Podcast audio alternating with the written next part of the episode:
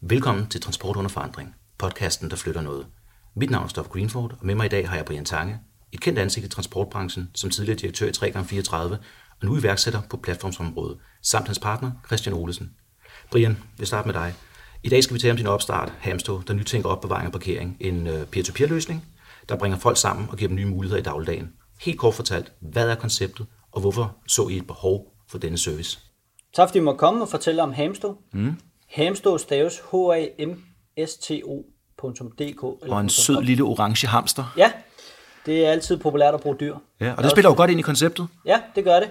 Det er jo noget med at benytte uh, u, uh, ubrugt plads. Mm-hmm. Vi er jo Airbnb for storage. Mm-hmm. Og det må man sige, det er noget, som folk kan forholde sig til. Ja. Det er rigtig nemt at forstå. Vi vil rigtig gerne gøre det nemt, bekvemt og til en rette pris at benytte opbevaring af lagerplads og parkering i Danmark. Okay. Og det er simpelthen det, vores øh, platform kommer til at handle om. Det er jo en peer-to-peer løsning, ja. men, men vi kommer egentlig også til at have erhverv på, så fremt at de, de ønsker at prissætte det korrekt. Ja. Så hvis jeg har for lidt eller for meget plads, en parkeringsplads til overs, eller øh, jeg står og mangler en, så tager jeg til Hamstøv. Ja, lige præcis. Og det, det er simpelthen vores mål, at vi skal være Danmarks største udbyder af netop de her områder. Så inden vi kommer ned i detaljerne omkring jeres, så øh, synes jeg, vi skal tage sådan lidt mere generelt, fordi jeg kan huske, du og jeg, inden vi startede op her, vi talte om øh, FN's 17 verdensmål. Ja. Og det var noget, jeg synes, der var en rigtig skæg vinkel. Den har jeg faktisk ikke lige set selv, hvordan det harmonerede ind her. Fortæl lidt om, hvordan du ser sådan nogle projekter i forhold til det. Jamen, øhm, politikere er jo rigtig gode til at gå ud og fortælle om, hvad vi skal gøre. Mm-hmm. Jeg er en person, alle dem, som arbejder sammen med mig eller kender mig, jeg er en eksekverende person, som gerne vil putte handling omkring mine ord, og det kommer faktisk til at gøre med deleøkonomi. Hvis du ser Happy Helper eller GoMore eller nogle af de andre, så bruger de jo i dag de ressourcer, som, mm. vi, som vi har på jorden. Og der er de faktisk med til at fremme de her FN-mål. Ja. Hvis vi tager vores, mm. jamen, øh, så, så hvis vi, der er jo 17 mål. Ja. Hvis man kigger på dem, så berører vi i hvert fald 6 eller 7 af dem, hvor vi direkte eller indirekte har indflydelse på, at vi opnår de her mål. Ja, jeg kan sige, der er nogle økonomiske mål i det her. Der er noget med lighed. ansvarlig forbrug og lighed. Bygninger. Og, ja. Og, så, så, så, så derfor burde der jo, og det er der jo også, kan vi se, og heldigvis er der jo rigtig stor interesse fra, fra borgen omkring det her med at, at fremme digitalisering og fremme deleøkonomi, fordi vi har set ude i verden, også i Danmark, at, at der er faktisk et marked for det, men der er rent faktisk også noget logik i, at vi bruger de ressourcer, vi har i dag. Mm. Fordi ressourcer er begrænset. Ja, okay. Og, og der er flere og flere, der gerne vil gøre noget ved det. Christian, du kalder det platformsøkonomi. Det har du gjort hver gang, jeg har snakket om det her, og nogen siger deleøkonomi. I sidste afsnit med Malte Munkø fra Dansk Erhverv, der talte vi meget om den her opdeling mellem det, hvor jeg hælder til at kalde det platformsøkonomi, han var måske mere over i noget deleøkonomi. Altså ser I en forskel på de to ting? Altså dele og platform, det er jo, det er jo to forskellige begrebsverdener, vi kommer ind i. 100 procent, 100 procent. Øh, vi kigger ikke så meget på begreberne, vi kigger mere på, hvad teknologien kan tilbyde folk. Ja. Når vi kommer ned i det, så vil vi gerne samle to mennesker. Folk kalder det peer-to-peer. Altså mange har jo rigtig ja. de her buzzwords, som de kører på. Men det hele handler om, er, at du skal kunne, i stedet for at du skal køre måske 3-4 kilometer, øh, bruge benzin på det, mm. måske også bruge penge på selve transporten, gå ned og så lægge det i en kæmpe lærebygning, som er blevet bygget, måske har kostet 20-30 millioner for at bygge, mm. på en eller anden prima lokation i Valby, selvom du bor i Indreby. Og vi har 900 folk, der flytter til København hver måned, og siger, at vi ikke kan finde et sted på ja. i lejligheder. Yes. Præcis, masser af studieboliger mangler ja. man hver år, øhm, og det bliver kun værre og værre så vil vi gerne lægge det i en kælder. Så kan det være, at øh, søster Grete inde på Nørrebro, hun faktisk ikke bruger sit loftrum, og så kan hun lige så godt lege det ud til en studerende, der bor over på den anden side af gaden. Ja. Og det er egentlig, hvad det helt handler om. Ja, altså god ressourceudnyttelse, så ja. der ikke ligger tom kapacitet derude og øh, venter. Ja, så det er lidt lige meget, hvad, hvad vi kalder det. Om vi kalder det platformsøkonomi, om vi kalder det deleøkonomi, eller... Cirkulær økonomi. Ja, Ja. Der findes mange udtryk, men ja, ja, ja. kært barn har mange navne, som vi kender, og det hele handler bare om, at vi udnytter den plads, vi har. Og det er jo også øh, en af de andre ting, at vi snakker om disruption, vi snakker om digitalisering, vi sætter alle mulige andre navne på det her. Og når man så taler med det, altså, og jeg ved her, som jeg også nævnte sidst, min makker med lydmanden ved siden af, han er ikke glad for, at jeg bruger disruption, men jeg har besluttet om for at blive ved. Øhm, det er også, hvem er det så, der bliver disrupted, eller påvirket, eller hvad det nu er i deres dagligdag. Altså jeg ser jo, der er brugere, erhverv og samfund som overtemaer. Brian? Jamen, øh, det er meget sjovt. Vi har også diskuteret det rigtig meget ind hos os at øh, det, hvor jeg egentlig mener, at vi disrupter, vi disrupter egentlig digitalisering. Mm-hmm. Det vil mhm. sige, at vi rent faktisk digitaliserer. Det har været en overraskende proces for os. Ja, min marker griner ved siden af, men det var en overraskende proces, at alle taler om digitalisering og AI, og vi er så langt fremme, men vi er ekstremt langt bagud. Ja. Og man bliver overrasket over... Altså siger du vi generelt som i verden, eller ja, Danmark? verden og Danmark. Okay. Øh, jeg tror faktisk, Danmark er formentlig nok i midten et sted. Ja. Øh, nu har jeg lige været i USA, de er jo 30 år øh, bagud i forhold til os. Og så er der andre steder, der er længere fremme. Men teknologien er der. Det er integrationerne mellem de forskellige systemer, integrationerne med de store virksomheder, med partnerne, som er så langt bagud. Og det har været en, en, en stor øvelse og har taget rigtig lang tid at få på plads i forhold til at gøre det nemt for kunden. Fordi det eneste, det handler om for os, det kan man også se på vores platform, vi har virkelig forsøgt at gøre det så nemt for kunden som overhovedet muligt. Så det ikke bare bliver, at der sidder en masse øh, kloge mennesker, der kan udvikle, men glemmer kunden i sidste, sidste ende. Og der mener jeg helt reelt, at vi har disrupted platformsøkonomi, og vi har disrupted digitalisering, og vi har rent faktisk gjort det. Og ja. det er jeg ekstremt stolt over. Og ja. hvis vi taler med nogle af de andre platforme, hvilke vi har i, gennem hele processen, mm-hmm. så har det været, wow, var I langt fremme på så kort tid. Ja, men det, jeg tror nemlig også, der er noget mentalt i det her. Der er nogle mentale barriere udfordringer, både for brugerne, der skal føle sig sikre, sikkerhed kommer vi på lidt senere her, for samfundet, der også ligesom skal give plads til noget, der ikke er det etableret, men rigtig, rigtig vigtigt for virksomhederne, der har en forretningsmodel, de har kørt i mange, mange år. Altså noget af det er selvfølgelig, vi har kørt, som vi altid gør, og noget af det, det er måske modvilligt, for jeg ved, hvad jeg har i dag, hvad kan jeg miste i morgen? Christian? Ja, og, og det sjove ved det her, det er jo, at det er den nye verden, der møder den gamle verden. Ja. Internettet, det er jo sådan relativt ungt. Og du har nogle udviklere, ja, altså hvis du kigger sådan rigtigt, på det, det øh, i det offentlige øje, så har vi haft det været de sidste 20 år. Ja, det, 98, det, det, det, det, man plejer at sige. Ja. Ja. Så, øh, så det er nærmest en teenager stadigvæk. Mm. Og så har du de her unge udviklere, som er vokset op med internettet, og har en hel masse idéer om, hvad der, hvad der kunne være fedt, og hvad der er fedt at arbejde med. Mm. Og så har du ligesom, øh, igen, søster Grete ind på Nørrebro, som måske ikke har vokset op med internettet. Først oplevede at der var sort-hvid tv, og så senere er der kommet det her kæmpe bæst, som ligesom skal overtage hendes hverdag, og lige skal hun, når hun skal interagere med det offentlige, så går det igennem portaler, og det er aldrig nemt for brugeren. Der har vi så ligesom skulle bridge de her to ja. øh, verdener basalt, og så sørge for, at kunden rent faktisk er i mente. Fordi vi har udviklere, der synes, det er mega fedt at lave eller noget virkelig specielt, og det er også fedt. Hvis man kigger på teknologien bag det, virkelig fedt.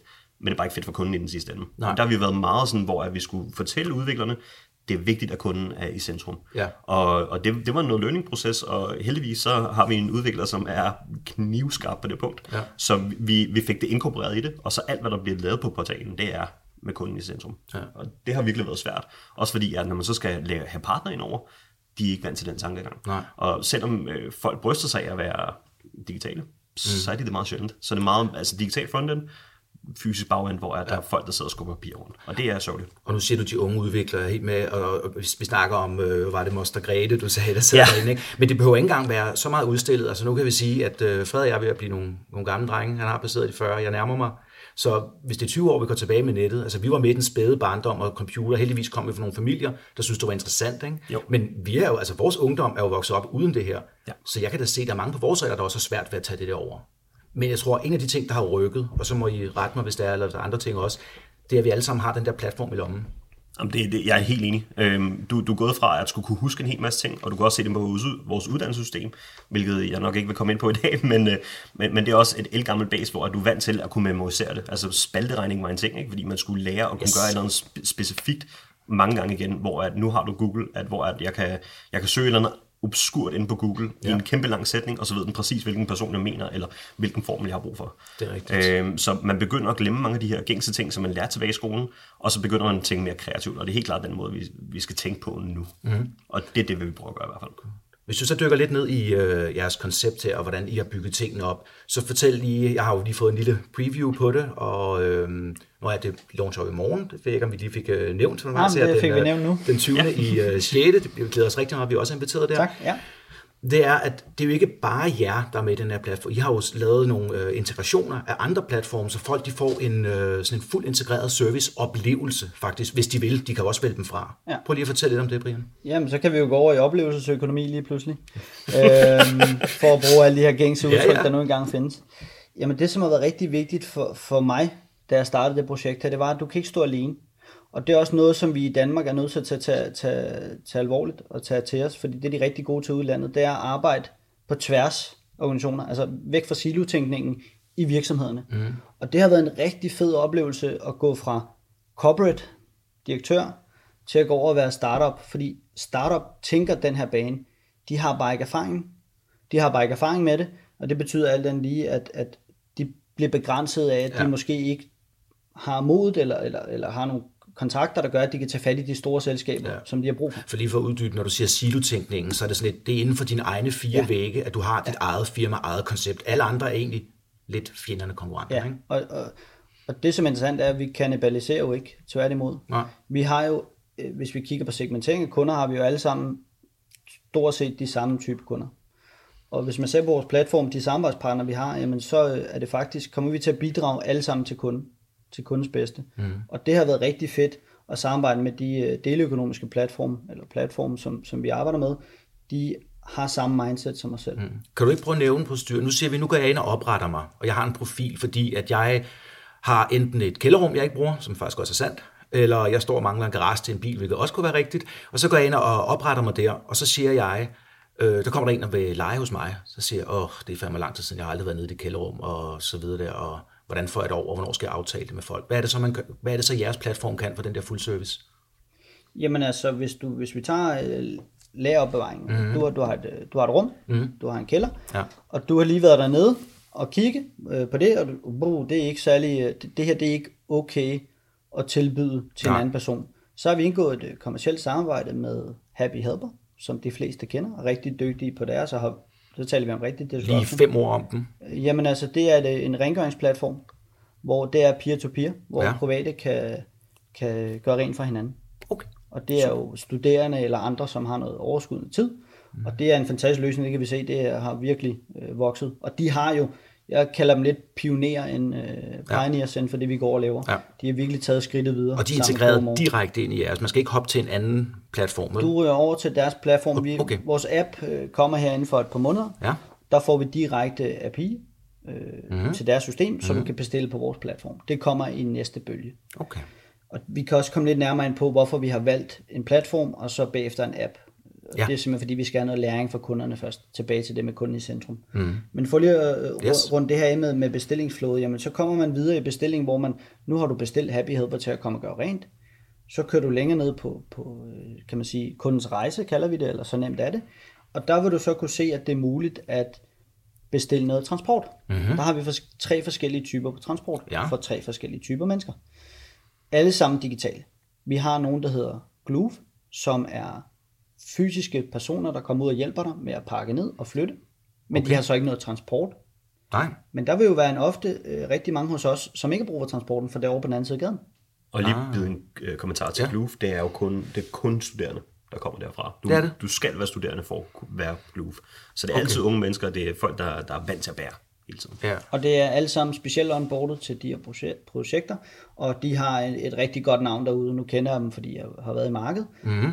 Så har vi Nabotrailer, som er en, en helt ny, Ja, ny og øh, en platform. succeshistorie på forholdsvis kort tid. Det må man sige. Mm-hmm. Det er gået rigtig stærkt og kommer jo til at udfordre eller, eller øh, den gængse måde, man tænker på i forhold til tree, free trailer og nogle af de andre, som, som er derude. Øh, hvor man også deler. Det må man jo sige. Det er jo virkelig over hækken. Den gode gamle manér. Ja. Og der, øh, der tilbyder vi så sammen med dem, at øh, hvis man har brug for en trailer, så kan man lege det hos dem. Mm-hmm. Så har vi så sidste step, og det Ja. er jo måske der, hvor man, der er nogen, der vil kigge på mig og sige, Brian, hvordan kan det være, du er gået i, ikke i seng, men øh, i hvert fald øh, gået hånd i hånd med Mover? Ja. Og det er simpelthen fordi, de er digitale. Og, og det er ikke fordi, at, øh, at vi er imod manuel arbejde overhovedet ikke, men vi er en digital platform, ja. hvor tingene skal være nemt Præcis. Og Mover er ekstremt nemt. Udover det, så har de øh, hele systemet bag i forhold til dokumentation, og det er det, ja. vi har brug for. Altså, jeg har jo generelt et godt udtryk, øh, indtryk af Mover. Nu har jeg også talt med Martin der, derfra. Altså, det virker jo, øh, hvis man skal sige det sådan lidt øh, kort, uden det helt er det, så er det sådan lidt Uber-tankegang, men med øh, stykgods, og hvad der nu kan være plads til der. Altså, men det, jeg har set, han har lavet, det er jo netop det fuldt integreret. Han sørger for alt, der er jo skatteindberegning, der er jo alle de der ting. Altså, han har lært af de andres udfordringer Yes, og lavet et, et fuldt system, ikke? Nu kender jeg jo Martin rigtig godt øh, på, både da jeg var i 334, men også øh, nu, fordi vi har et samarbejde, og de har jo netop tænkt hele tanken ind i forhold til at sikre dokumentationen, Ja. sikre beskatningen og sikre alle de her ting, de er i orden. Og det er jo den dokumentation, der er vigtig for os, mm. i forhold til, at vi i hvert fald sikrer over for kunden, at tingene er i orden. Ja. Også fordi, at kunden skal være i centrum. De har jo basalt en prisberegner. Øh, igen, jeg ved, de havde at blive sammenlignet med Uber, men de har, de har gjort den samme tankegang om, at kunden skal kunne vide en upfront pris på, hvad koster det for at flytte den her sofa Ja. herhen. Og det er jo igen noget med transparens i forhold til priser, i forhold til prissætning. Mm. Det er vigtigt for os, at når kunden sidder og kigger på den samlede løsning med Hamstå og samarbejdspartnerne, så er det både en langt billigere, men også en langt nemmere løsning. Ja. Og det er det, vi kommer til at vinde på, hvis vi skal vinde markedet. Præcis. Vi kan ikke vinde og stå alene. Det tror jeg simpelthen ikke på. Nej, så vil jeg høre, som jeg forstår det her, så, så er det kunden, der er i gang med at indgå mere end én aftale. Altså det er et flow, men det er enkelte aftaler med de forskellige. Ja. ja. Og det er simpelthen fordi, det er jo noget med hans betingelser og noget med, med, med lovgivning og så videre, at det er derfor, kunden springer over til Mover ja. og har en aftale med dem, fordi det er Movers ekspertise at transportere. Vi er formidler af opbevaring mm. og parkering. Det er det, vi er gode til. Det er det, vi hjælper med. Og så gør Mover det, de er gode til. Lidt tilbage til, hvad Danske Bank plejer at sige. Gør det, du god til, eller hvad det er, de nu plejer at sige. Ja, som faktisk er glimrende Glimrende, glimrende. Slogan, faktisk er rigtig, ja. rigtig godt slogan. Og det er egentlig det, vi har taget til os, og det er det, Mover har taget til sig. De gør det, de er gode til. Vi ja. gør det, vi er gode til. Til gengæld så parer vi det, sådan så det bliver nemt for kunden overskueligt. Og selvfølgelig, at fremtiden byder på, at vi kan, vi kan lave en API mellem alle de her forskellige slags øh, ja. firmaer. Og du kan lige hurtigt tage en API. Det er jo meget, meget vigtigt i alt det her, både mobility service og platform og sådan noget. Hvad er, kort fortalt til folk, hvad er en API så? Ja, altså kort fortalt, det er to stykker kode, der kan tale sammen. Yes. Så du kan, du kan tage noget data, og så kan du skyde det over til et andet firma. Ja. Og, øhm, og den data, den kan det andet firma så bruge. Så bruger du nogle standarder mellem de to firmaer. Så for eksempel, hvis jeg skulle bestille en transport, så vil jeg allerede ved, at vi har, du bor her, og du skal lægge det hen hos, øh, hos Grete så, øh, så ved vi, at der er så langt, det kan vi skyde over til Mover, allerede få en pris på vores portal. Det er basalt, hvad en API er. Ja. Så, øh, så det regner vi helt klart med, at det er det næste step. Men det er også et hårdt step, fordi at det er ikke bare én integration, du skal lave. Det er mange forskellige integrationer. Mm. Fordi kundens rejse, den er lang. Det er aldrig bare, at du lige skal gøre det her. Det er, at du skal, du skal gøre rent i det øh, rum dernede. Du skal tage nogle billeder. Du skal flytte det, og så skal du vælge en måde, du flytter det på. Altså, mm. det, det, er ikke, det er ikke nemt for kunden. Ja, og vi stopper jo ikke her. Nej. Vi har jo en lang række udviklingsprojekter, vi gerne vil i gang med for kundens bedste. Men ja. nu starter vi med en, en version 1, som jo så er en version 8, i forhold til hvad det var, der var planen. øh, hvilket er dejligt, fordi det giver forhåbentlig en god oplevelse til kunden. Men det er vigtigt at sige, at vi skal jo udvikle os sammen med kunderne. Så mangler kunderne noget i hele processen, mm. så skal vi ud og finde nogle samarbejdspartnere, der kan levere det. Ja. Og det er jo til, vi kommer ind på det senere, ved jeg, men i forhold til forsikring, der har vi jo fundet nogen, der er gode til forsikring. Det er, jo, det er jo ikke vores Nej. Øh, spidskompetence. Men det er jo også en smuk ting med mange af de her platforme, det er jo netop, når du kører over sådan en portal, hvor det er nemt at komme med feedback. Altså den viden, det feedback, I kan få fra kunderne, er svært for etablerede firmaer, der laver det samme, at få. Ja, helt klart. Også fordi folk har lidt en større aktie i det her. Altså nu er de jo med som en part i det her. Det er deres hus, det er deres ting. Så de, de tænker mere i praktikken frem for det firmaet, der får noget at opbevare noget et firma. Ikke? Jo, vi har jo med de udlejere, vi får på, og de lejere, vi får på, jamen der, der har vi jo et ratingsystem, ligesom alle de andre, der er derude. Og det virker rigtig godt, fordi der er ikke nogen, der har lyst til at blive rated på en 3'er ud af 5. Mm. Der er vi meget ærkær, og det er, jo, det er jo det dejlige ved deleøkonomi, det er, at vi går faktisk rigtig meget op i, hvad andre siger om os. Mm. Vi vil faktisk gerne være de bedste. Mm. Og det er, jo, det er jo det gode ved det danske samfund. Vi er meget kvalitetsbevidste. Mm. sige. Vi går op i det, vi leverer er i orden. Og det er faktisk en af de områder, jeg virkelig tror på deleøkonomi, for vi taler jo om retail er i, er i store problemer på grund af service og andet. Mm. Her der vil vi se, at der tager vi lidt retail ind i, ind i øh, eget hus. Ja. Og når, når du går hjem til folk, så er det altid den bedste version af, af personen, du ser. Mm. Og det ser man på deleøkonomi. Vi kan tage GoMore for eksempel. Ikke? Folk de står og støvsuger bilen og gør den ren. Der er meget andet for at tjene ja. øh, på 100 kroner. Men det gør man, fordi du vil have den femmer, og du vil gerne sikre, at folk de går, får den oplevelse, som du selv gerne vil have. Ja. Ja, du, du gør dem mere sådan ansvarsbevidste, du ja. trækker dem mere med ind i processen, det er det med, at de bliver en part i det, ja, frem for at du bare er en, øh, er en kunde ja. i, i det her system. Og må jeg lige hurtigt ja, knytte en kommentar sidst her, det, og det er derfor, det er rigtig vigtigt for os, at vi gør det nemt ja. for både udlejer og lejer, at, øh, at de har værktøjerne i orden til at være den bedste version, de nu engang kan være. Mm. Okay. Jeg vil så lige øh, hoppe over til den anden pind i det her, det der med parkeringen, for den, den interesserer mig også øh, en del.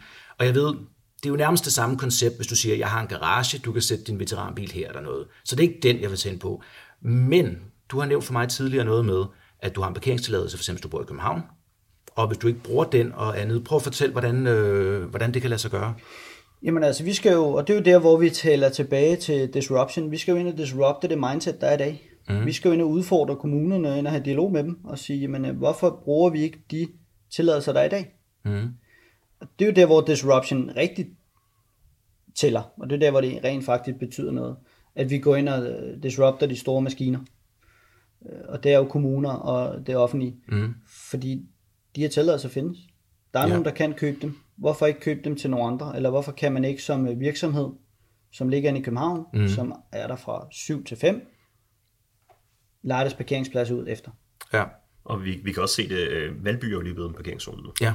Og det er jo meget interessant. Valby har rigtig, rigtig mange parcelhus. Mm. Og der er mange fra Valby, der arbejder ude for byen, f.eks. i Roskilde. Og så har der en hel masse, der tager ind til Valby for at tage toget videre ind til, det, øh, til byen. Ja. Fordi ja, det er nærmest umuligt at komme frem med en bil ind i byen. Så kan du lige så godt parkere det hos en person. Så du kører simpelthen ind i deres indkørsel. Præcis. Man kan ikke forklare kort, altså den, den synes jeg er rigtig interessant, altså med parcelhusene og garagerne og indkørslerne, den er jeg med på. Men hvis det nu er, vi tager et lejlighedskompleks, øh, vi tager ind i København K et sted, fordi der arbejder jeg, og jeg tænkte, nu bor jeg så i Holte, så der er noget med, det er lidt svært at gøre i forhold til København. Lad os nu sige, at jeg boede på Østerbro, og jeg gerne vil køre ind hver dag. Hvad gør jeg så? Hvis du gerne vil køre fra Østerbro ind til byen? Ja, eller et eller andet andet sted derinde. Altså, jeg vil, jeg vil gerne kunne parkere i en anden, øh, uden for den zone, jeg selv bor i. Kan det lade sig gøre? Som jeg ser ud i dag, nej. Og det er jo den, vi skal ind og udfordre. Mm-hmm. Det er jo der, hvor man, nogle gange så skal man stikke næsen lidt frem, og så får man nogle tæsk undervejs, ja. så der er også noget lovgivning og nogle andre ting, som vi er nødt til at have en dialog med politikerne omkring. Fordi der er rigtig mange, der efterspørger det her produkt. Ja. Jeg taler med rigtig mange derude, som jeg ved også kigger lidt på samme løsning, fordi det er en problematik. Og det er ikke kun en problematik i Danmark. Tag til London eller tag til Stockholm, ja. hvor jeg bor, så kan du se, at det er endnu større problemer der. Og jeg ved godt, at selvfølgelig skal staten tjene nogle penge på det, og der er nogle, nogle ting, der skal køre rundt. Og det, det vil vi selvfølgelig gerne være med til at bidrage til. Men det skal også bare være sådan, at når der er plads nogle steder, så skal vi selvfølgelig bruge det.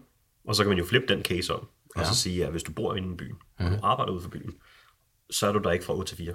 Ja. Men så er der måske virksomheder, der har parkeringspladser, som de bruger fra 8 til 4, og så lige så snart deres arbejdskraft tager hjem, så står de parkeringspladser bare tomme. Og så har de måske en 10-20 stykker, som mm. bebor i området lige så godt med mm. låne. Ja, for der står mange øh, parkeringspladser ledige nu, fordi det er ejet af virksomheder, eller de har lejet sig ind, og så ejer de så det, imens de bor der. Det kunne de jo lige så godt lege ud, tjene nogle penge, mm. men også give en rigtig god service til de beboere, der nu engang bor der, eller gæster, eller andet. Altså jeg synes jo, den er rigtig interessant i forhold til øh, etageejendommen, hvor jeg kan huske på Østerbro, der boede der, det kostede 791 om året. Og lad os nu sige, at jeg ikke øh, havde en bil, eller jeg ikke brugte den, eller jeg ikke brugte i dagtimerne og sådan noget, så kunne jeg betale det ind, og så kunne jeg faktisk få penge fra en anden, der kom og, øh, og, og parkerede der. Er, er det sådan tanken på længere sigt? Det vil helt klart være drømmescenariet at komme derhen, og det er, jo en, det er jo en lang rejse, vi skal ud på nu, og det er jo, en, det er jo min opgave. Ja. Og nu øh, har vi heldigvis en masse gode politiske folk omkring os, som, som, som støtter os, og en masse deleøkonomiske platforme, eller platforme, som er ude også at presse på den vej. Så det er helt klart den rejse, vi skal ud på nu. Mm. Hvor står I så i forhold til sådan noget som betalingsring, og man hører øh, artikler, hvor der, er, der er trængsel i København, og øh, de viser billeder ude fra nogle forskellige kvarterer, og siger, vi kan ikke engang få en parkeringsplads der, hvor vi bor, hvor er det forfærdeligt, at alle de andre skal komme ind og sådan noget der. Altså det, det er jo noget, der stikker en kæp i julet for sådan noget projekt her. Ja. Og som jeg kan se fra øh, Københavns Kommune inden for Rådhus, så er der jo ret tydeligt, hvilken vej det peger lige nu. Ja, enig. Og det er jo også der, hvor, den, det ved vi, København blev jo større og større, hvis man kigger 10 eller 15 år tilbage, så var København, det var jo vel KBH, KNVØ. Ja, ja. I dag der er det jo næsten Brøndby og, og Roskilde, og altså det større og større og større. Ja. Og der er det jo klart, at vi vil jo følge den cirkel, som der mm. nu engang er, parcelhusene bliver first, first step, at de skal på vores platform og tilbyde det til andre, mm. så det i hvert fald bliver nemmere at komme på arbejde. Ja. Fordi lige nu ser vi, at der er rigtig mange, der skal bruge ekstremt meget tid på at finde parkeringspladser, mm. men også rigtig meget tid på at køre frem og tilbage og sidde i kø og meget andet. Hvis man kan gøre det smartere, det må politikerne i hvert fald have en stor interesse i. Mm. Det ved jeg i hvert fald, at vil gøre, at øh, der vil være rigtig mange mennesker, der vil være glade derude. Ja, altså jeg kan forestille mig, at I heller ikke er tilhænger af en øh, betalingsring. Det har aldrig været af natur. Nej. nej. Øh, og det, det er simpelthen, fordi så skal man jo ind og kigge på det hele det offentlige system i forhold til, hvad det koster at tage offentlig øh, transport. Ja, og øh, hele det der med, at den offentlige overhovedet givet i forhold til det her. Altså fordi vi har jo stadigvæk erhverv inde i Kø- København, og der er transportdelen jo vigtig for dem, både med deres varer, men så sandelig også for deres arbejdstager. Fordi hvis de, altså, der bor jo ikke nok inde i København med de korrekte uddannelser og andet til det. Så hvis du begynder at blokere det, og toget heller ikke kan følge med, hvad gør man så der? Ja. Der kan jeg slå et slag, for det er jo noget, vi for Dansk Erhverv jo arbejder meget på. Der kommer også, øh, jeg har sendt en artikel ud, der snart kommer i netop, der handler om det her, og hvordan det ikke virker gennemtænkt. Ja, ja, og så kan man jo også sige, at vores registreringsafgifter, de er jo, de er jo også nogle af de højeste i verden. Mm. Så den del følger ikke rigtig med, at vi så skulle også betale for mm-hmm. en betalingsring. Nej, nej, nej, nej. Det ene altså, eller det andet, ikke? Vi ender jo nok med user pays på et eller andet tidspunkt, men så skal der ske nogle andre ting, og det skal udrulles fuldstændig i hele landet, og ikke bare isoleret geografisk, fordi så bliver det jo en skæv skat i virkeligheden på folk. Ikke? Ja. Meget interessant. Jeg vil lige sige, øh, lige gå lidt tilbage til det der disruption. Der er jo især et marked, jeg kan se her. Der er nok der er to, men det er især et i det her. Det er jo øh, flytteforretninger. Ja. Dit gamle geschæft, Brian. Ja. Hvad, øh, har I snakket nu? Har I fået noget feedback fra nogen? Er der, er der nogen, der siger noget? Det Eller flyver I stadig så langt under radaren, at det ja. ikke er kommet en reaktion endnu? Ja, projektet har kørt relativt meget under radaren, og det er selvfølgelig øh, en af årsagerne, det er, at øh, vi skulle have noget ro omkring projektet og forsøge at gøre det så godt, vi nu engang kunne i forhold til kunden og sikre, at platformen var klar, og vi var klar. Men der er ikke nogen tvivl om, at der vil der nok være der nogen derude, som, som vil tage fat i mig og sige, hvordan kan det være, at du ikke bruger den eller den eller den? Mm. Og det handler om, at igen tilbage til digitalisering. Digitalisering er jo ikke et ord, der, der, der skal fjerne jobs. Det skal jo bare gøre det nemmere for kunden. Mm-hmm. Og mange af de store virksomheder i dag er bare ikke digitale nok, når vi kigger på privatmarkedet. Det er jo primært privatmarkedet, vi kommer til at arbejde med. Ja. Og der er, mover er jo også stærke på, på erhvervsmarkedet, men det er jo primært erhvervsmarkedet, jeg ser, hvor de kan være en bidragsyder til os. Mm. Om vi så en dag skal arbejde med nogle af de store på nogle helt andre parametre, mm Øh, Jamen det tænker jeg nemlig også på. Det er, jo, altså, det er jo helt klart en ja. dialog, vi skal have med dem, når vi kommer lidt længere. Det, der bare er vigtigt for os, det er, at man skal være landsdækkende, mm. sådan så man kan få tilbage til det, du nævnte før med, at det skal være lige for alle. Ja. Det skal ikke være sådan, at det kun er København. Det skal være alle i Danmark, skal kunne bruge det her. Det betyder også, at du skal ikke have fem eller ti forskellige valgmuligheder. Du bor i Esbjerg, så skal du vælge den. Du skal, det skal være simpelt og nemt. Mm. Tilbage til det her med, at du skal ikke søge, fordi hvis du søger for meget, og du skal bruge for meget tid, så vælger du en anden løsning. Ja. Så vælger du en løsning, som er den normale, nu kan jeg dem derude ikke se, at jeg gør det i godsøjne, men så bliver det den normale løsning, man vælger. Ja. Og der skal vi være smartere, hurtigere og bedre, ellers så lykkes vi ikke. Det er jo klart, altså hele on-demand-konceptet er jo så vigtigt for, for platformsøkonomi. Ja. Det jeg tænker også, hvis nu nogen af, hvis nu 3x34 for eksempel kommer og spurgte dig, om øh, I skulle lave noget samarbejde, så kan jeg da også forestille mig, at I vil være åbne over for den slags ting. Helt klart. Men, men det er sjovt, det der med on-demand der, fordi det er jo, altså, hvis man kigger mm. på, lad os sige, streaming af film, Ja. Netflix dræbte jo ikke block, Blockbuster i sin tid. Det var jo, altså... Blockbuster dræbte Blockbuster. ja, det gjorde de. De havde absurde de der late fees der, ja. øhm, og kundeservicen var asbysmal, og lige snart mm. du kom derned, så havde de fem forskellige slags film, hvor at, øh, ikke nok med, at du skulle derned, og du skulle gøre det på meget specifikke tidspunkter, og mange af dem var nødt til at fjerne de der postkasser, fordi det blev smidt alt muligt fyrkeri og alt muligt sjovt igennem. Så, så det, var, det, var, det var nederen for kunden. Ja. Og det er jo det, vi gerne vil ud over. Vi vil gerne, altså, grunden til, at folk godt kan lide Netflix eller HBO eller nogle af de andre streaming services, det er, at de kan sidde derhjemme, de kan trykke på en knap på fjernbetjeningen, og så har de alt klart. Og det er det samme, vi gør her. Vi har ikke tænkt os at gå ind og så ødelægge flytteforretninger eller nej, ødelægge nej. noget. Vi har tænkt os at gøre det nemmere for brugeren, og så må brugeren selv i sidste ende vælge, har du lyst til det gamle, har du lyst til det, du plejer at gøre, og synes du, det er en helt fin løsning, brug det gerne. Eller har du lyst til at gøre noget, noget nyt, har du lyst til at gøre noget godt, både godt for miljøet, men også godt for dig selv, mm. så brug os. Okay. Så tænker jeg, at kommer naturligt til den næste del af det. Det er hele det der med setup'et med kontrakter og ansvar og hvad de forskellige parter er i det her. En stor ting, man snakker om med dele- og platformsøkonomi, er jo netop, hvad er selve platformen? Hvad er dem, der udbyder platformen i det her? Jeg er jo selv jurist, og man ved jo, der er jo forskellige kontraktpartnere, der er nogle forskellige ansvar efter, hvad du er. Hvad ser I jer selv som i et klassisk kontraktsforhold? Jamen, vi er en formidlingsplatform, eller Den Blå Avis, eller eBay for ligesom at tage det ned på et niveau, hvor alle på en eller anden måde formentlig har brugt det tidligere. Ja. Det betyder, at, øh, at vi sikrer, at via vores platform kan en lejer og en udlejer finde hinanden. Mm. Og det er så dem, der med hinanden laver en aftale. Okay. Er der standardaftaler liggende endnu, siger, at de kan klikke ind på, ja. eller hvordan det er der? Vi har, vi har mm. lavet, vi har udarbejdet, når man, når en udlejer finder en lejer, eller lejer finder udlejer, så kommer der en, et aftale, ikke et aftale grundlag eller kontrakt, der kommer mm. en aftale op, mm. hvor man sammen kan udspecificere helt ned til mindste detalje, hvilke ting står der i det her rum. Der kan mm. være billeder, der kan være tekst, der kan være helt okay. ned, ned til den enkelte lille dims. Og der tager vi igen skridtet videre. Og det er noget for sceneselskaberne, synes er rigtig interessant. Fordi jeg ved ikke... Overblik over risiko. Ja, der er en overblik over præcis, hvad der står. Der er billeder. Så fremt, at lejer og udlejer vil gøre det. Kun hvis de vil gøre det. Mm. Og det er tilbage til det her med, at det er lejer og udlejer, der selv skal bestemme. Ja, fordi hvis vi skal, igen skal rubricere det sådan rent juridisk, så er det her jo et civil Ja, aftale. det er det. Altså det er jo, det er jo to øh, borgere, det er to private personer, der laver det, så de har jo en udstrakt aftalefrihed i virkeligheden. Ja. Og der ligger jo så noget frihed under ansvar og... Øh, Selvfølgelig. De, kan vælge, om, om de tager et billede af 11 flyttekasser, som står over hjørnet og ser fine ud, eller om de har tænkt sig at tage et billede af deres mormor frem, og så tage et billede af det, og så sige, det var i den her stand. Der er selvfølgelig noget, noget variation der. Men Men der kommer, I kommer ikke ind på den del af det. Altså, jeg kan nemlig huske, og nu kommer jeg tilbage, jeg havde varslet, at jeg måske skulle snakke noget om øh, en eBay-dom. Omkring, og nu må folk rette mig selvfølgelig, hvis det er, men jeg mener, det var loyal produkter, der var på. Det sjove var så bare, at det var det jo så ikke. Det var kopiprodukter. Mm. Og det var mere eller mindre tydeligt. Det var en stor debat, der var der i sagen, og de var egentlig ved at gå lidt øh, fri først, fordi de sagde, at vi er bare formidler, vi stiller bare det til rådighed, eller blev aviser og andre platforme. Det man så fandt ud af, det var jo så, at de faktisk havde købt nogle AdWords, for at de kom og Google-ting og forskellige andet, så de kom højere op i søgningerne, når det kom ind på der. Der fik de jo pålagt et ansvar, uanset om man nogensinde kunne sige, at de godt var klar over det her eller ej. Men der var de så gået ind og promoveret noget.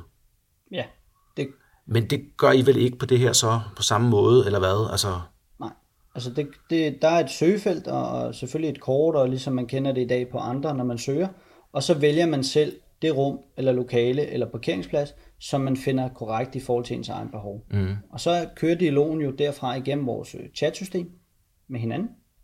Det er jo også i forhold til GDPR og andet, at, at det er der, man kører det. præcis. Det er også rigtig vigtigt, så der bliver ikke uddelt alle mulige informationer. Det er også øh, rigtig vigtigt at have med. Mm. Øhm, men, men for at knytte en kommentar til en af de øh, historier, der har været for nyligt. Ja.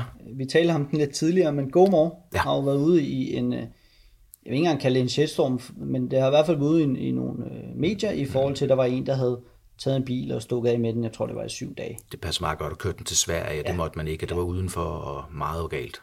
Og så øh, er der nogen, der giver GoMore skylden, Ja.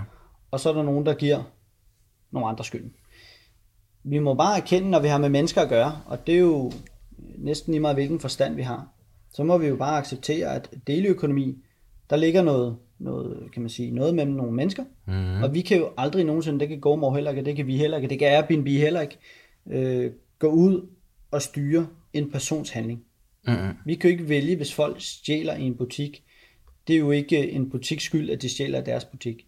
Mm-hmm. Så folk er jo også ansvarlige over for egne handlinger. Mm. Vores platform sikrer, at der er en masse betingelser, og der er en masse, vi, vi kommer til at, at, at sige, du er ikke velkommen længere på platformen og andre ting, så frem at man overskrider både øh, de, de, de, den lovgivning, der er, men også i forhold til vores betingelser, mm. så har vi mulighed for at ekskludere dig fra vores platform. Mm. Det er det eneste, vi kan gøre. Og så er der jo to mennesker. Vi kan jo ikke styre deres handlinger. Det kan mm. du ikke lige meget, hvilke øh, parametre der er. Og, øhm, og det er jo klart, at det, det er jo sådan, det er at bygge platformsøkonomi. Og det er jo nogle af de udfordringer, mm. som vi skal forholde os til. Ja. Og det er jo noget med opdragelse sammen med brugerne. Vi vil informere en masse, vi vil sikre, at man gør det på en rigtig måde, vi vil rate, vi vil kommunikere, vi, vil, vi er tilgængelige på telefon, vi er tilgængelige på mail, vi har en chatbot integreret, der hjælper dig. Mm. Vi gør en masse ting, som understøtter det, men i sidste ende, så er det jo en person, der gør en handling. Ja. Den vil vi aldrig, og det vil GoMore heller aldrig, mm. eller Airbnb, eller 3x34 eller andre jo aldrig nogensinde kunne stå indenfor, mm. at den person har gjort noget på egen hånd. Nej, men jeg tror, altså en af de ting, der har været meget op, det er jo, at så siger man, firmaet, der udbyder den her, gør det jo ikke af altruistiske årsager. Der er selvfølgelig også nogle penge involveret, og man tjener nogle penge på det.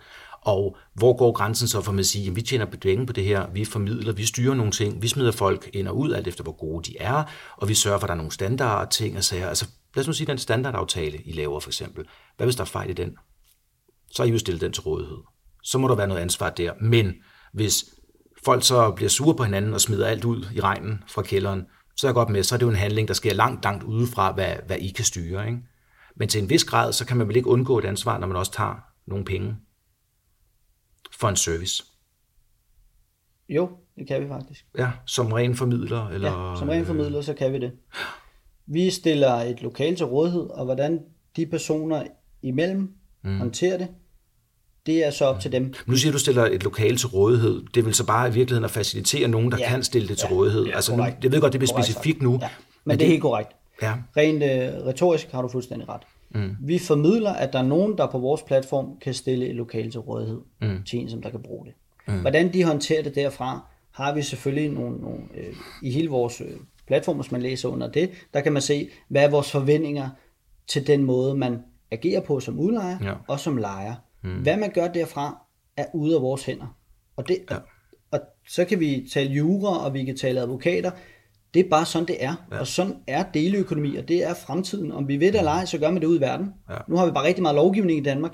Nu har jeg selv siddet med, med tre lærerbygninger, og der var rigtig mange begrænsninger, selvom Præcis. vi var en erhvervsvirksomhed. Mm. Vi kunne ikke, hvis der var en, der ikke betalte, så kunne vi ikke bare stille deres ting ud i, i, i, i, kan man sige, ude i, det, ude i regnen. Mm-hmm. På trods af, at de ikke har betalt i 10 måneder, vi har rykket dem, og, vi, og de var og det kan brugerne jo af Hamster jo faktisk heller ikke gøre. Altså, de er jo lige så meget bundet af den aftale, de laver, og den tagsbegrænsning og loyalitet i aftaleforholdet og sådan noget. Ja, ikke? det er jo nogle af de ting, vi skal også ind og kigge på. Ja. Altså, vi, igen er vi nødt til at disrupte lovgivning. Altså, nogle gange så skal man også, nu bor jeg i Sverige, der er det jo lovligt at gå for rødt, men du får ikke en bøde, hvis du går for rødt.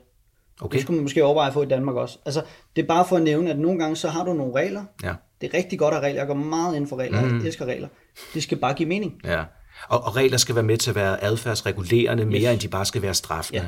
For jeg tror tit, når folk bliver straffet, siger de, øh, jeg fik en bøde for at køre for hurtigt. Har ja. de så lært at lade være at køre for hurtigt? Nej. Ikke nødvendigvis, vel?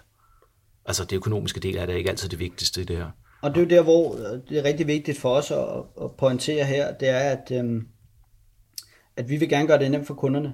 Ja. Men dem, der bruger platformen her, har noget ansvar, eller har hele ansvaret, mm. for at sikre, at kundeoplevelsen bliver god. Det kan vi ikke, for vi står ikke derude selv. Det er ikke vores rum, det er Nej. ikke vores lokale, det er ikke vores parkering. Mm. Vi sikrer blot, at man på vores platform kan finde en person, der gerne vil benytte sig af det, som man har. Præcis. Hvad med øh, økonomien i det? Altså de penge, som man så aftaler, det koster 500 kroner om måneden for min kælder, eller hvad det nu gør.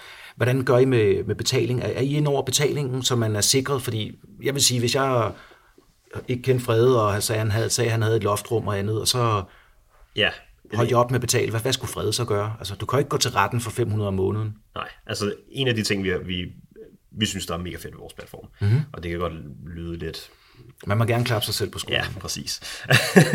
det er, at øh, en af vores samarbejdspartnere, Dips, okay. de har øh, lavet et nyt system, der hedder Easy, og vi er en testcase på dem. Det er sådan, at vi har et meget teknisk hedder det et, øh, et single, pay, uh, single page payment system, som Aha. er, at når du vil betale, så forlader du aldrig siden. Vi kender Just Eat-casen. Du går ind på en restaurant, du finder et eller andet inde på Just Eat, du fikser nogle burger frem, du fikser nogle pizza frem, og så skal begynde betalingsprocessen. Så trykker du, at du skal gå til kassen. Så kommer du hen på en ny side, hvor okay. at du har ligesom din liste over, hvad du gerne vil tjekke ud. Ja. Så trykker du på endnu en knap, så hopper du videre til en ny side, hvor du så skal betale for, for dine ting. Og så i sidste ende, så kommer du så tilbage til den første side, hvor den siger, nu inden for et par minutter, så får du en sms, tror jeg, det nu kører på. Er en ordrebekræftelse. Ja, ja, præcis. Hele det har vi fået ned på en side. Så okay. brugeren føler aldrig, at den skal gå væk fra siden af, og det bliver integreret fuldstændig på siden. Og det er vi meget stolte af. Ja, det er da også noget helt nyt. Altså... Ja, det er, det er helt nyt, og det er meget banebrydende, øh, banebrydende især inden for cirkulær økonomi, eller platformsøkonomi, eller hvad vi nu kalder det i forhold til, hvad vi taler til. Jo, jo, jo, jo. Men altså, det er jo en smart peer-to-peer øh, måde at gøre det her ja. på, ikke? Og så sørger I jo også for, altså det er jo ikke forskellige steder, det er et lukket sigt. Det er også nemmere at sikre sådan en one-pager, altså ja. rent uh, cybersikkerhedsmæssigt. Helt ikke? klart, helt klart. Og, og det endnu mere smarte, det er, at selvom folk aldrig har nogensinde har brugt Hamstow, så øh, via tre kliks kan man betale. Hvis man aldrig nogensinde har brugt Easy før, kan man betale på vores platform. Mm-hmm. Hvis du nogensinde har brugt Easy ude på en anden virksomhed, så husker den dine oplysninger. Og det er ikke os, der husker dine oplysninger. Nej, det, det er, det er Dips, der ja. husker dine oplysninger. Mm-hmm. Men så hvis du så bruger... Øh, Hamstone lige pludselig, så kan den faktisk huske alle dine oplysninger fra det sidste, og så bliver det et enkelt klik. Og øh, man kan jo ikke tage det der single click payout, det er jo Amazon, der har, der har patent på den, mm. men det er det basalt, hvis du har brugt Dips Easy på et andet sted. Så det er vi ret stolte af, og øh, det er helt klart også en sikkerhed for os, at du har nogen, der er backet i nets ind over betaling. Og så har vi jo Danske Bank i den anden ende, som sørger for alle udbetalinger. Okay. Så, øh, så, så vi føler os rimelig sikre på den front. Mm. Og det har vi også brugt rigtig lang tid på. Ja, altså vi, netop, øh, nu har vi jo læst alle de her rapporter, der er blevet lavet fra, fra forskellige styrelser og fra staten og fra politikerne omkring deleøkonomi. Øh, at hver femte bruger deleøkonomi i dag. Ja, og, altså vi tager om den, den deløkonomiske aftale. Lige og, præcis. Ja. Hvor vi selvfølgelig, inden vi gik i gang med det her, lavede en masse research. Hvilke faldgrupper skal vi forsøge at undgå, inden vi starter? Og hvilke parametre er rigtig vigtige for brugerne? Tilbage til brugerne. Det er vigtigt, at man som bruger er tryg, og man har, man har det godt med, med det her koncept. Og der var betaling og, og forsikring og nogle af de ting, de allervigtigste. Så vi gik selvfølgelig i gang med de store. Tilbage til det her med, at de store skal arbejde med de små. Mm. Vi er en lille bitte startup, som har brug for hjælp fra storebror. Det er jo legitimisering af, af, af jeres... Ja, øh, det er det jo. Det er jo blåstempling af, ja. at, at det vi gør, det er i orden. Fordi pengene har ikke noget med os at gøre. Vi, vi, vi, vi igen formidler, og så har vi nogle samarbejdspartnere, som sikrer, at betalingen kører fuldstændig by the book. Den kører fuldstændig som den skal, udenom os. Igen, med nogle af verdens største inden for det, de laver. Ja. Og det er danske virksomheder, som vi alle sammen kan stole på. Ja, der vil jeg sige godt gået. Altså det er jo, det er jo måden at, at komme videre på det. Vi har kort øh, snakket om forsikring, at det også er en, øh, skal være en integreret del af sådan noget her i forhold til folks altså, sikkerhed omkring produktet, omkring deres øh, ting, omkring deres ejendom.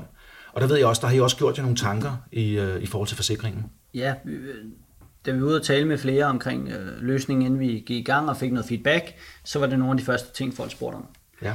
Og nu snakker vi potentielle brugere her. Potentielle brugere Ja. og andre platforme, Mm. som vi har talt med.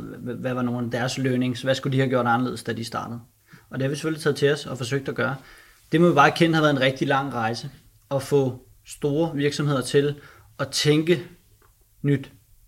Forandring. For det er jo en reel forandring, vi er ude at lave i Og de store virksomheder, det er så forsikringsselskaberne Det er i den her forsikringsselskaberne. sammenhæng. Ja. øh, få dem med på banen mm. til også at ikke putte vores øh, forretning øh, ned i en, i en kasse, som ligner de andre, men tænke, hvordan kan vi gøre det smart for kunden, så de også er trygge omkring løsningen. Mm. Selvfølgelig velvidende om, at, at forsikringsselskabet skal også få noget af det.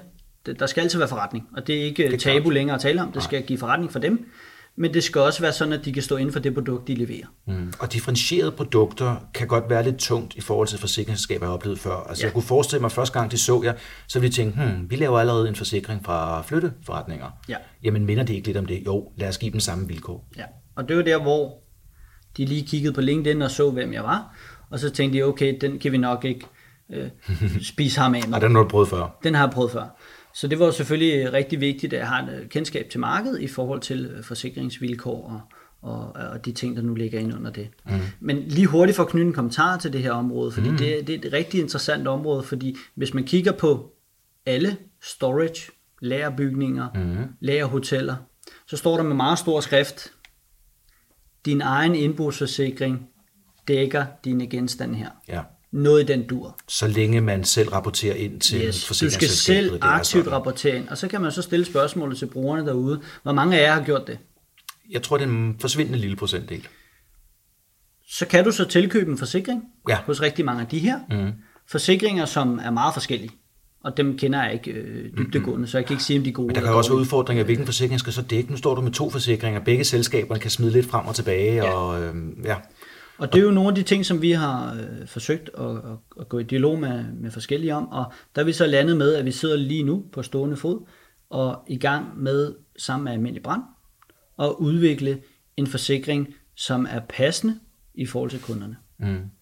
Og forsikringen er så direkte tilbudt fra almindelig brand til brugerne af platformen. I har ikke noget med det at gøre. Nej, altså vi, vi er formidler, som man kalder det. Altså for, formidler mellem Men ikke, men ikke forsikringsmælere, så der er ikke nogen opkrævning af penge, der er ikke noget frem og tilbage. I formidler kontakten, og så Nej. kan man tegne en forsikring på nogle vilkår. Nej, øh, vi gør det standard for alle vores rum, for at, Okay. øh, at vi, vi rammer hele vores brugerbase. Mm. Så gør det også, at vi ikke øh, segmenterer vores kunder i, at øh, du har ikke råd til 20 kroner ekstra om måneden. Det er bare en, øh, inkluderet i den pris, du allerede betaler til os. Okay, så man, Og- så man får automatisk en forsikring? Ja. Ja, Og det har været en, en præmisse for os. Det er jo en tryghedsfaktor. Ja, Ja, og det det er er netop tilbage til det her med, at alle skal have samme vilkår fra start. Mm. Lidt tilbage til demokratien. Mm-hmm. Det diskuterer vi jo rigtig meget i Danmark lige i øjeblikket, specielt med folkemødet. Det her med tilbage til demokratien, at alle skal have samme vilkår. Vi ja. vil gerne sikre, at alle vores kunder i hvert fald har den løsning, forsikringsløsning, som almindelig brand, og vi mener er den rette. Og det er den, jeg desværre på stående fod ikke kan nævne, hvad den omhandler, fordi Nej. det er en dialog, vi har med almindelig brand lige nu, og det er jo også noget med police, og hvordan, hvordan skal hele, kan man sige, setupet være. Mm. Øhm, skal det være af tingene, af genstandene? Det, det er jo primært det område, vi kigger på. Fordi bygningerne, det er jo nogle andre end os. Mm. Så det er nogle af de ting, vi kigger på sammen med Almindelig Brand, og vi kommer til at melde ud med dem og sige, det er den her forsikring, vi kommer til at tilbyde. Øh, ja. vores, vores, øh, og det bliver om det så bliver leje eller udleje, igen dialog med dem. Det vigtigste er, at det bliver integreret, så du betaler det med det samme hos os. Ja, og så bliver, og al skadesbehandling og alt dialog, der er omkring det, går så direkte til almindelig brand. Almindelig brand. Ja. Netop, og, og det er jo det, det fede ved det, at vi også kan være lidt selv, vi skal, at vi ikke skal håndtere hele den supportdel, der ligger derved. At det er bare direkte ja. til almindelig brand. Og, og det er kun én udbyder. Præcis, så, og så, så begynder man jo også at gå ind og flytte lidt med, hvor, hvor meget kontraktspart er du så lige pludselig, når, ja. hvis du begynder at lave de her ting. Så det synes, det lyder som rigtig, øh, rigtig fornuftigt. Jeg glæder mig til at høre mere om forsikringen, når det kommer tættere på. Jeg synes, det er et virkelig positivt tiltag, at det er sådan en kollektiv forsikring. Altså, at folk skal ikke sige, at jeg sparer 20 kroner, og så er du virkelig underforsikret senere. Det giver jo også dårlig feedback til jer. Det var dengang med ham stod det hele gik galt. Ja, ja det, og det er rigtig vigtigt for os, at brugerne igen er så trygge, som man nu engang kan blive med, ja. med et nyt koncept som det her. Og det er jo et koncept, der er under forandring, men det er også et samfund, der er under forandring. Det er rigtig vigtigt at nævne, at vi kan ikke alene forandre hele verden. Vi er nødt til at få tilbage til politikerne, vi er nødt til at få brugerne også til at udfordre de gængse metoder, man har i dag. Fordi det er noget nyt, vi gør. Mm. Og vi vil få nogle, nogle tæsk, vi vil få ja. nogle, der er kritiske, vi vil få en masse, og det må vi forholde os til ja. som uh, professionel virksomhed og sige, ja, det er vi klar over, at det har vi ikke styr på lige nu. For det, der er altid ting, man ikke har styr på. Der er masser af store virksomheder, der heller ikke har styr på det, selv den dag i dag. Kig på GDPR, som en ja, af udfordringerne. hvor mange regner vi med, der rent faktisk er compliance? Præcis. Men det er bare vigtigt for os at sige, at vi er åbne, vi er i dialog, vi forsøger at skabe ja. de rette løsninger, og så må vi undervejs, når der kommer noget juridisk, og der kommer mm. nogle parametre, så må ja. vi diskutere det. Men vi kommer ikke til at lægge os ned, det vil jeg hurtigt lige sige. Vi kommer ikke til at bare lægge os ned, fordi der er nogen, der kommer til os og siger, sådan er det bare i dag. Jamen, så må vi udfordre. Og der vil, det er meget skægt pointe, som jo er i det politiske arbejde, jeg laver til dagligt, med en baggrund som jurist. Jurister, de ser på reglerne og siger, det kan du, det kan du ikke følge reglerne og fortolker på den. Politisk engagerede personer siger, den regel kan vi ikke bruge til noget. Vi må se at få lavet den om, fordi det giver mere mening at gøre det her. Og det kan jeg høre, det er, det er jeres tilgang til ja. den. Og det skal også til, hvis ikke platform og deleøkonomi begynder at fise ud på et eller andet ja. tidspunkt. Meget enig. Det øh, her lige øh, til sidst, så, øh, så har vi lige et spørgsmål omkring øh, misbrug og sådan noget her. Altså der er jo øh, kreative mennesker derude, som tænker, at øh, de ting, jeg har stående her, hvis nu politiet en dag kom forbi, så, så er det ikke så godt, det står ude i min garage. Det kunne jeg da bare sætte et eller andet sted i forhold til det der kælderrum. Risikerer man så, at øh, lige pludselig så opbevarer man narkotika, det, det er jo den sjove. Og, øh, ja. Ja, øh, altså vi, vi var lidt inde på det tidligere med hensyn til GoMo, hvor at der var en bil, der forsvandt. Vi har hørt alle sammen jeg er B&B, hvor at, var det et bordel, en lejlighed blev lavet om til i to yeah, uger. det var ikke, dem der var sgu heller ikke heldig, nej. Nej, vi kommer aldrig udenom det. Igen, mennesker er kreative, mm. men vi har bare en bedre bevisbyrde, end, end de har. Mm. Øh, mm. Hvis du bor i en Airbnb-lejlighed, så har du ikke nogen rigtig bevisbyrde. Det er et hurtigt samarbejde, der bliver lavet med folk. Du booker det, ligesom om du vil booke et hotel. Du ved ikke, hvad der sker i din lejlighed, når folk er væk fra det. Her der, der kræver vi, at der er det mindste et eller andet billede af en ting. Så det kan godt være, at folk prøver ikke at gå i dybden og sådan noget, men selvfølgelig, vi kan, vi kan jo ikke helt komme ud af mm-hmm. det. Nej, fordi jeg, jeg ser den jo der, hvor at faktisk er det ikke så meget den person, der leger og kommer ind og sætter det. Hvis nu nogen kom, og jeg var lidt shady, og nogen kom og satte en masse kasser nede hos mig, så tænker jeg, den narko, jeg lige sælger lidt i weekenden, den kan da godt ligge i hans kasser. Så den dag politiet kommer, kan jeg sige, det er noget, jeg opbevarer for en anden. Ja. Men du havde lige en kommentar, Brian? Ja, fordi det er jo der, hvor det her, det her aftaledokument ja. kommer til at være, hvor man som lejer kan føle sig tryg for, at udlejer ikke putter noget ned i sine ting, mm. hvor man sammen får dokumenteret billederne, og på lister dokumenteret, hvad der står, hvor begge signerer af, at det vi er enige om, at det der står der. Ja. Og så går man. Det her dokument kan ikke åbnes igen. Mm-hmm. Det her dokument er låst. Okay. Så det er jo... Så hvis der ikke stod 20 gram heroin, så var det der ikke? Så var det der ikke. Det vil sige, at vi tager igen til at disrupte mm. forsikringsbranchen, til at disrupte tanken om, at vi rent faktisk skal dokumentere, ja. hvad der er. Det er jo en væsentlig udvidet dokumentering i forhold til den, vi ser nu, i forhold til oplæring. Fordi går du ind i Pelikan og Sugarguard og forskellige andre steder, der ved de jo ikke, hvad der er. De vil heller ikke vide det. Nej. Nej. Og det, det kunne de heller ikke styre, jo i og for sig. Ikke? Nej, og, og det er jo, der er jo også noget lovgivning på det øh, med at åbne op og så videre. Det er jo der, hvor lejer og udlejer. Det er mm. der, hvor udlejer kan, kan, kan sige, jeg, jeg er nødt til, det er ikke mig, der åbner, for det må jeg ikke. Det skal være lejer, der åbner mm-hmm. og kigger ned og tager billeder af det. Men du har lov til at stå og kigge på det. Det er bare vigtigt for at sige, at, at ja. det er jo nogle af de krav, man kan stille som udlejer og som lejer mm, til hinanden. Ja. Sige, vi skal have dokumenteret præcis, hvad der står her, mm. for vi er enige. Og igen, der må vi gå ind og udfordre den gængse metode, der er i dag. Jo. For jeg har jo selv siddet med lagerbygninger og har haft en masse ting stående, som vi fik at vide var noget, men i sidste ende så lovgivningen gjorde, at vi måtte ikke åbne og kigge, så Nej. det gjorde vi selvfølgelig ikke. Nej, men man havde en fornemmelse af, at det var sgu nok ikke det, som... Altså jeg vil sige, vi, vi har i hvert fald, så, så, har vi, så har vi måttet sige nej tak, hvis, ja. det, hvis det ikke efterleder. Og hvis man kigger på vores platform, så kan man faktisk se, at vi direkte fortæller, hvad forbyder vi. Ja. Og der er vi faktisk også taget skridt videre og forbyder flere ting, end, end måske nogle af de andre gør. Mm. Og det er simpelthen for at sikre, at vi i hvert fald har igen det opdragelse og oplæring af, af brugerne, at det her det er altså ikke i orden at bruge vores, på, på vores platform. Mm, mm, mm.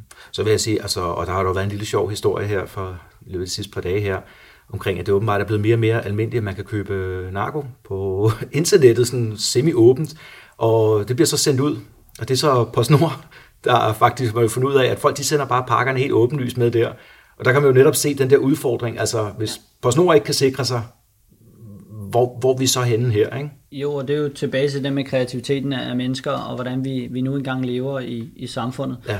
Og skal vi have et kontrolsamfund? Det er jo så næste Nej. spørgsmål. Nej, det skal vi jo ikke. Vi er jo, altså, vi er jo tilbage til, at vi skal stole på hinanden. Det er jo mm. det, deleøkonomi handler om. Mm. Det er jo mm. tilbage til det sociale, som, ja. slet, ikke er, som slet ikke er nævnt her. men basal tillid skal være der, ellers ja. har du ikke noget. Det med ultra-local, som er helt vildt populært i USA lige nu, ja. det med, at det skal være lokalt, det, det er altså bare nemmere, at det er din nabo eller din mm. Øh, fire øh, gader hen, dine ting står ved. Mm. For det er en person, du har en dialog med. Det tror vi på. Altså, det er jo få sager, vi skal, vi, vi, GoMore har eksisteret rigtig mange år. Airbnb har eksisteret mange år. Ja, vi har hørt de der enkelte. Få, få sager, som, og, og vi kender journalisterne, de her få sager skal nok komme op i medierne, fordi det er en god historie. Men det er jo få sager, hvis du tænker på 900.000 danskere har brugt Airbnb sidste år. Hold op. 900.000. Mm. Og det var hvad, tre, fire sager, ja, ja. som i hvert fald har været i medierne, som vi har hørt om det, er, jo, det, er, det er en god succesret, kan vi Det er en god succesret, altså, øh, så, så mere kan man heller ikke gøre, ja. og det er bare vigtigt at sige. Okay. Nå, allersidst så vil jeg lige sige, at vi får ind på, der er jo launch, øh, og som vi sidder her, så er det i morgen, den øh, 20. i 6. Ja, det er der. Christian, hvad, hvad kan vi forvente her i morgen? For vi kommer jo naturligvis ind, og tak for invitationen. Ja, øh, det fede i morgen, det er, at det ikke handler så meget om os. Vi kommer selvfølgelig at præsentere vores platform, men så har vi prøvet at gøre det igen for kunden, for alle dem, der kommer. Så vi har inviteret vores øh, samarbejdspartner med ind, der kommer og fortæller om deres produkter. Og det er netop igen, at vi gerne vil give så meget værdi til vores kunder. Og vores samarbejdspartnere og vores venner og presse og sådan noget. Så, øh, så det vi har gjort, det er, at vi har inviteret Happy Helper med ind. Mm-hmm. Vi har inviteret Amelie Brand ind. Vi har inviteret, øh, hvem ellers kommer og speaker? Dips kommer og speaker. Og så... Øhm, kommer vores bestyrelsesformand, som ja. er HR-direktør hos Nets. Ja, det, det så jeg godt stærkt gået. Ja, det er en ret flot bestyrelse, vi har, og det er jo selvfølgelig et blåstempling af projektet, at det, det er nogen, der tror på, på det, vi går og gør. Også fordi det er jo nogen, som sætter deres navn til. Det betyder alt andet lige, at de vil i hvert fald være sikre på, at det, vi gør, er i orden. Men de kan jo også se, at der sker en forandring derude. Ja. Så hun kommer også og fortæller om, om os og projektet, hvorfor hun går med i det.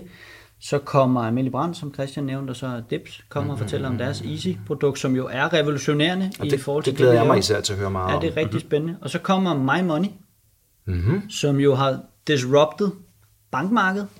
Jeg ved ikke, om I kender dem? Nej. Super spændende produkt, rigtig uh, inspirerende person. Jeg glæder mig til at tale med dem i morgen. Så. Ja, det er rigtig, rigtig interessant. Men uh, som sagt, ja, vi møder op, og vi uh, prøver at stikke en mikrofon i hovedet på de folk, der nu har lyst til at fortælle lidt, og så får vi lidt uh, indtryk af det.